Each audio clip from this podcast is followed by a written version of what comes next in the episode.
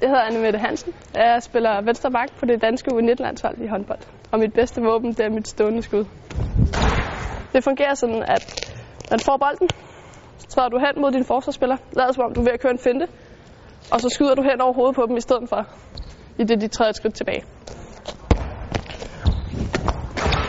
Finten er ret vigtig, fordi du bliver nødt til at presse med den først, og så tager du skuddet bagefter, hvis der ikke er plads til finten.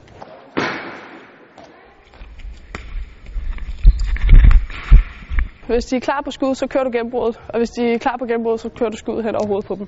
Så på den måde, så skal man vurdere alt efter, hvordan de står.